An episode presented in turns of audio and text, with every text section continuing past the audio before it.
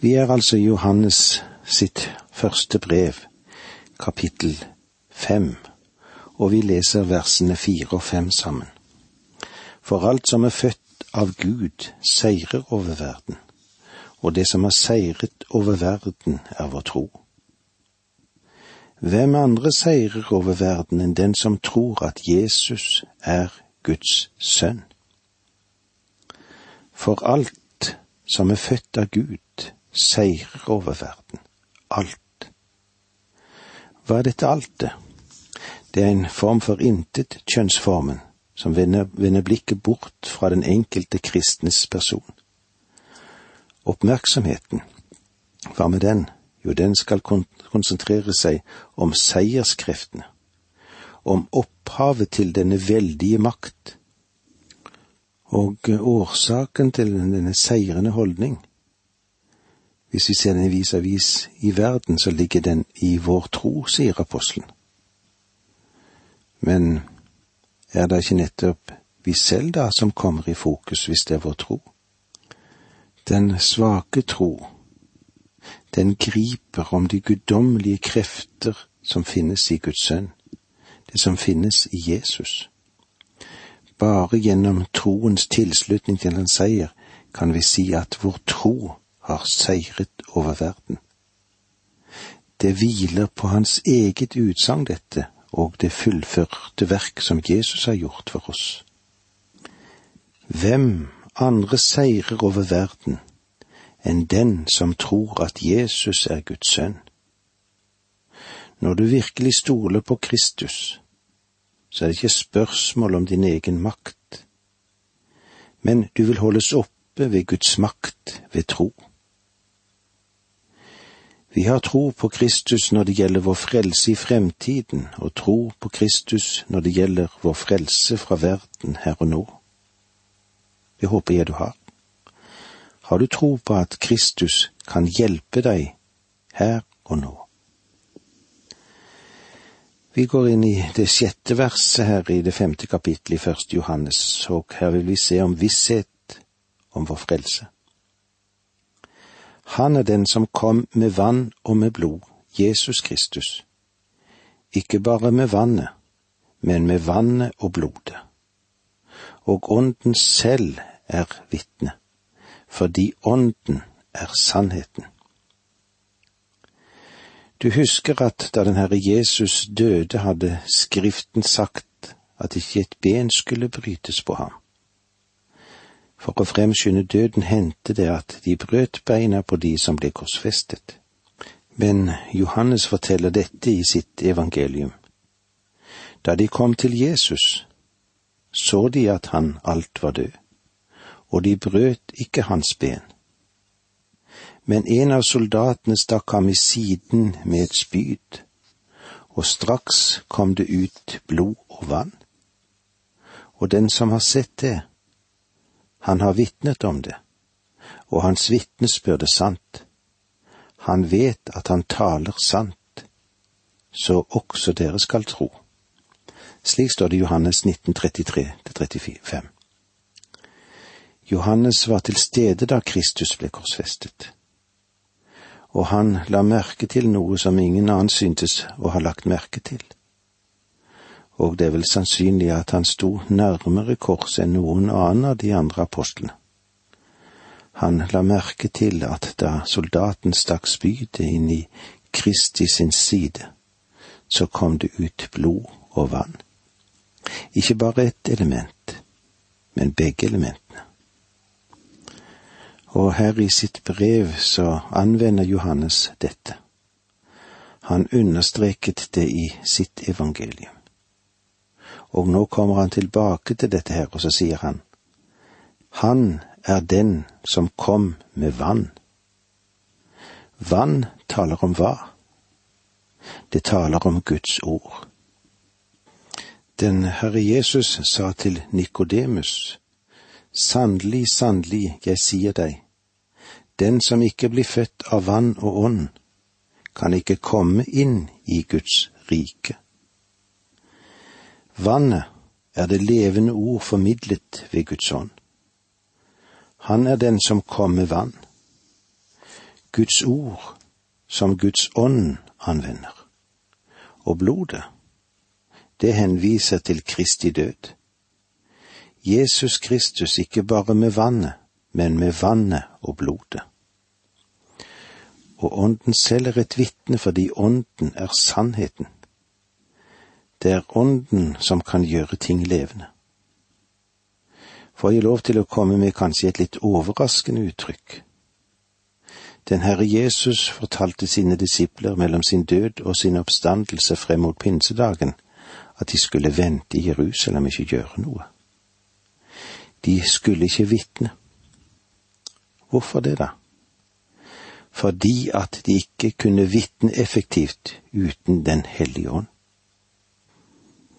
Og eh, derfor er det vesentlig for oss alle sammen i det å være frelst, at vi ikke bare er klar over at Jesus Kristus døde for nærmere 2000 år siden, men også at Guds ånd virker i hjerter og i liv.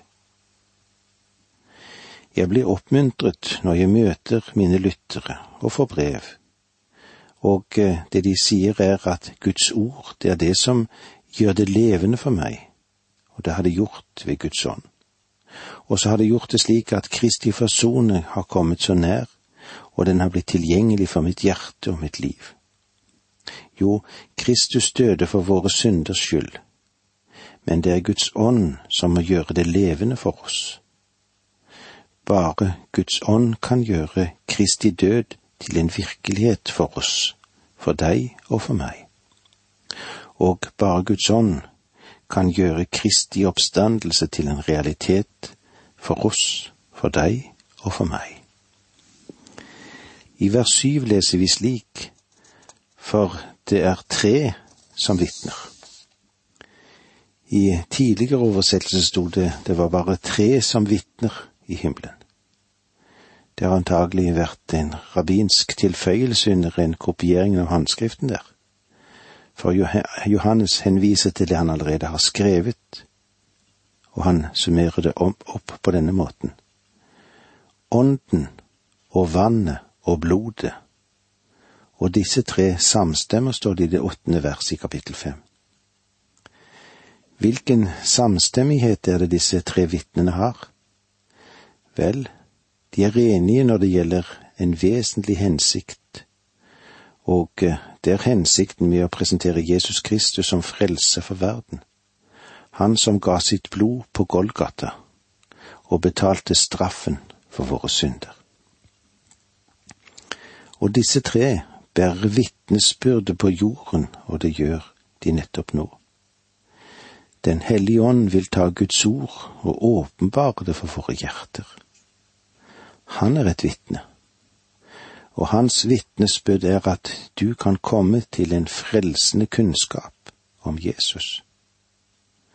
Hvordan kommer du til denne kunnskapen? Du kommer til denne kunnskapen bare ved Guds ord.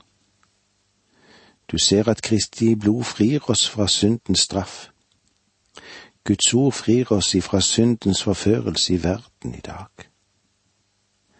Det kan godt være at du synes de harper om igjen og om igjen på dette punkt, men det er helt sentralt, og det er viktig. Det er viktig for meg, og jeg håper det er viktig for deg òg. Guds ord er det eneste som kan rense opp i ditt liv, ja, selv om du er en troende. Og det er det eneste som vil holde ditt hjerte rent. Og dette er jo ganske vesentlig å vite. Vi lever i en tid som ofrer en hel del oppmerksomhet på hygiene. En kan av og til synes at det kan være litt av det meste, kanskje.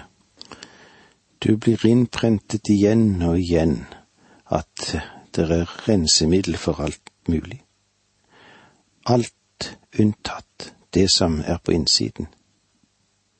Der har det ingen rensningsmakt. Her finnes det ingen renselsesmiddel som du kan kjøpe. Det er bare Guds ord som kan gjøre det. Det mest forunderlige rensemiddel, det finnes altså i Guds ord. Det kan rense, og det kan frelse.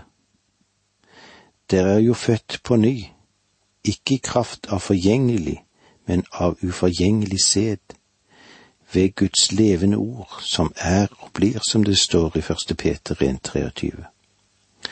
For Guds ord fremstiller Kristus som ga sitt liv for dine og mine synder. Han døde for oss. Han ble oppreist til vår rettferdiggjørelse. Det var eh, det vi fikk med oss i dag. Tenk igjennom disse tingene vi har berørt. Fatt tro og tillit til Guds ord. Må så Gud være med deg. Dette undervisningsprogrammet består av to deler. Åge Nevland fortsetter nå med andre del av dagens undervisning. Vi er i apostelen Johannes sitt første brev, og vi er i det femte kapitlet. Og i det åttende verset der leser vi Ånden og vannet og blodet og disse tre samstemmer. Etter jødisk syn så skulle alle saker stå fast ved to eller tre vitners ord. Alle vitners ord går ut på det samme. De fastslår på hver sin måte at det som er hovedsaken, er at Jesus virkelig er Kristus, at han er Guds sønn, og ikke den reduserte Jesus som vranglærerne gjorde seg til talsmann for. Her har vi med en som ikke bare kan frelse deg, men Guds ord kan også bevare deg. Det kan bevare deg ren mens du vandrer her nede. Du kan bruke alle slags mulige sprayer eller kremer eller vaskemidler eller hva det måtte være, men det har ingen betydning, for det som har med å være ren på innsiden. Ånden og vannet og blodet, og disse tre samstemmer. Det er tre ting som bærer vitnesbyrde på jorden. Ånden bruker ordets vann og anvender blodet til vår frelser. Og alle disse tre går ut på ett. De vil frelse og bevare deg frelst. I vers ni i kapittel fem leser vi slik. Vi godtar jo vitnesbyrdet fra mennesker, men Guds eget vitnesbyrd er sterkere. For dette er Guds vitnesbyrd. Han har vitnet om sin sønn. Jeg vet ikke hvordan du har det, men mange mennesker jeg snakker med fra tid til annen, er kommet i en tillitskrise mellom seg selv og nyhetsmediene kanskje med politikerne, og eh, den fremstilling som aviser har, og det som de elektroniske mediene gir oss gjennom radio og TV. Og det er også noen nyhetsformidlere som jeg stiller spørsmålstegn ved, det gjør sikkert du òg. Alt vries på og bøyes av for å passe inn i den forutinntatte synet som nyhetsformidleren har. Og eh, det er vel en kjent sak i dag at politikerne de kommer et godt stykke ned på listen når det er spørsmål om troverdighet. Og det er ikke tvil om at mye av det er som kommer til uttrykk, er menneskets popularitet, eller det motsatte som bestemmes av mediene, hva som kommer opp, og hvordan vedkommende har det. De største slyngler kan bygges opp av media, og selv de ærligste sjeler kan knuses av media. De fleste mennesker tar imot vitnesbyrdet av mennesker. De fanges inn av det. Om det sies i fjernsynet, så vil folk flest tro på det. Jeg så det jo i mine egne øyne. Det er mange mennesker som tror alt det de leser eller hører eller ser, men de vil ikke ta imot Guds vitnesbyrd. Men Guds vitnesbyrd, det er større, det. For dette er Guds vitnesbyrd. Han har vitnet om sin sønn. Gud gir oss i dag ikke nyheter om ethvert tema. Hans nyheter er gode nyheter, og de er om Hans sønn som døde for oss på korset. Det er hans budskap. I vers ti leser vi slik. Den som tror på Guds sønn, har vitnesbyrde i seg, men den som ikke tror Gud, har gjort ham til en løgner, fordi han ikke har trodd Guds eget vitnesbyrd om sin sønn. Den som tror på Guds sønn, har vitnesbyrdet i seg. Om du har stolt på Kristus som din frelser, ja, så bor Den hellige ånd i deg, og han bærer vitnesbyrd om at disse ting er sanne. Og det er noe av det mest oppmuntrende ved å kunne undervise i Guds ord over radio. Mange av de som lytter, har aldri sett meg, så jeg går ut fra at du ikke har tapt noe på det heller. Men de har Den hellige ånd boende i seg, og når de hører Guds ord, så tar de imot det, fordi Ånden bærer vitnesbyrdet at de lytter til Guds ord. Og det er en vidunderlig og en veldig oppmuntring i forkynnelse og undervisning av Guds ord enten det skjer nå på den ene eller andre måten, om det foregår fra en talerstol, over radio, over TV eller PC eller hva det måtte være, så er det Guds kraft som er til stede som er det avgjørende. Men den som ikke tror Gud, har gjort ham til en løgner. Når du ikke tror på Gud, så prøv òg å legge dine andre synder og eh, det som du måtte ha, og så sier du at Gud er en løgner. Gud sier stol på Kristus, og jeg skal frelse deg. Om du sier jeg trenger ikke Kristus for å bli frelst, da kaller du Gud en løgner. Jeg har hatt brev fra mennesker som lenge har lyttet til veien gjennom Bibelen for å få noe å kritisere meg for, og eh, han behøver sikkert ikke lytte så lenge før han kan finne noe. Men etter hvert så har de som har vært i en slik situasjon, blitt overbevist om sannheten i Guds ord, og Guds ånd har båret sitt vitnesbyrd til deres hjerter, og de har fått se at de trenger en frelser. Fordi han ikke har trodd Guds eget vitnesbyrd om sin sønn. Hva er vitnesbyrdet? Ja, det vil Johannes fortelle oss, vers 11. Og dette er vitnesbyrdet. Gud har gitt oss evig liv, og dette liv er i Hans Sønn. Hva er vitnesbyrdet? Vitnesbyrdet er knyttet til evig liv gjennom Hans Sønn. Evig liv, det er å ha Kristus. Det koker ned til dette ene punktet og dette er evangeliet et nøtteskall. Dette er den enkleste test du kan legge på dette budskapet. Den som har sønn, eier livet. Men den som ikke har Guds sønn, eier ikke livet. Den som har Sønnen, eier livet. Han sier ikke eller skriver ikke Johannes, den som tilhører en menighet, han har livet. Det finnes sikkert mye som er prektig og godt og rikt i den forsamling eller menighet eller hva det måtte tilhøre i, men det er ikke liv i den. Det betyr lite hvilken menighet du tilhører. Ditt kirkemedlemskap sikrer ikke din frelse. Men hva betyr det da å være frelst?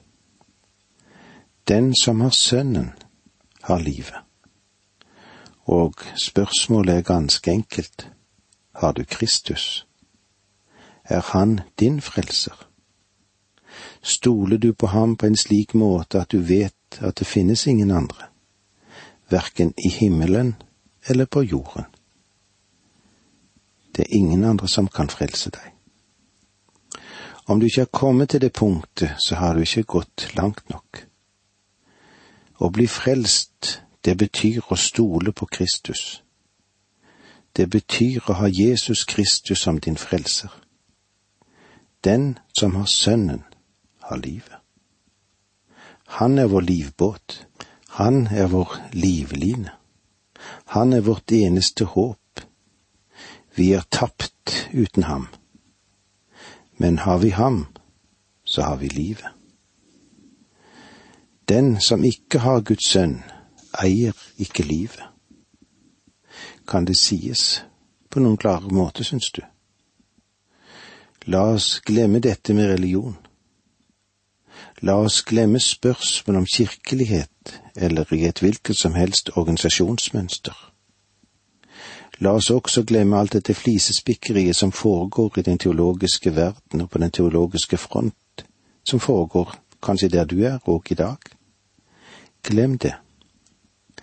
Det eneste viktige er dette. Har du Kristus? Er Han din frelser?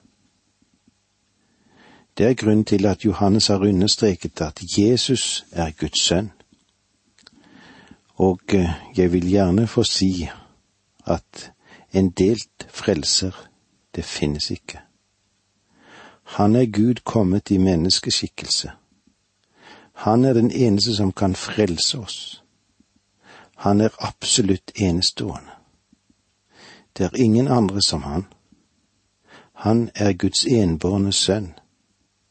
Han døde på korset fordi han alene var den som kunne betale straffen for våre synder. Han sto opp igjen, og han lever i dette øyeblikk ved Guds høyre hånd for vår skyld. Han er den levende Kristus. Har du ham som din frelser? Det er e-, det eneste spørsmål du trenger å svare på det. Hvis du har ham, da har du livet, og du er frelst.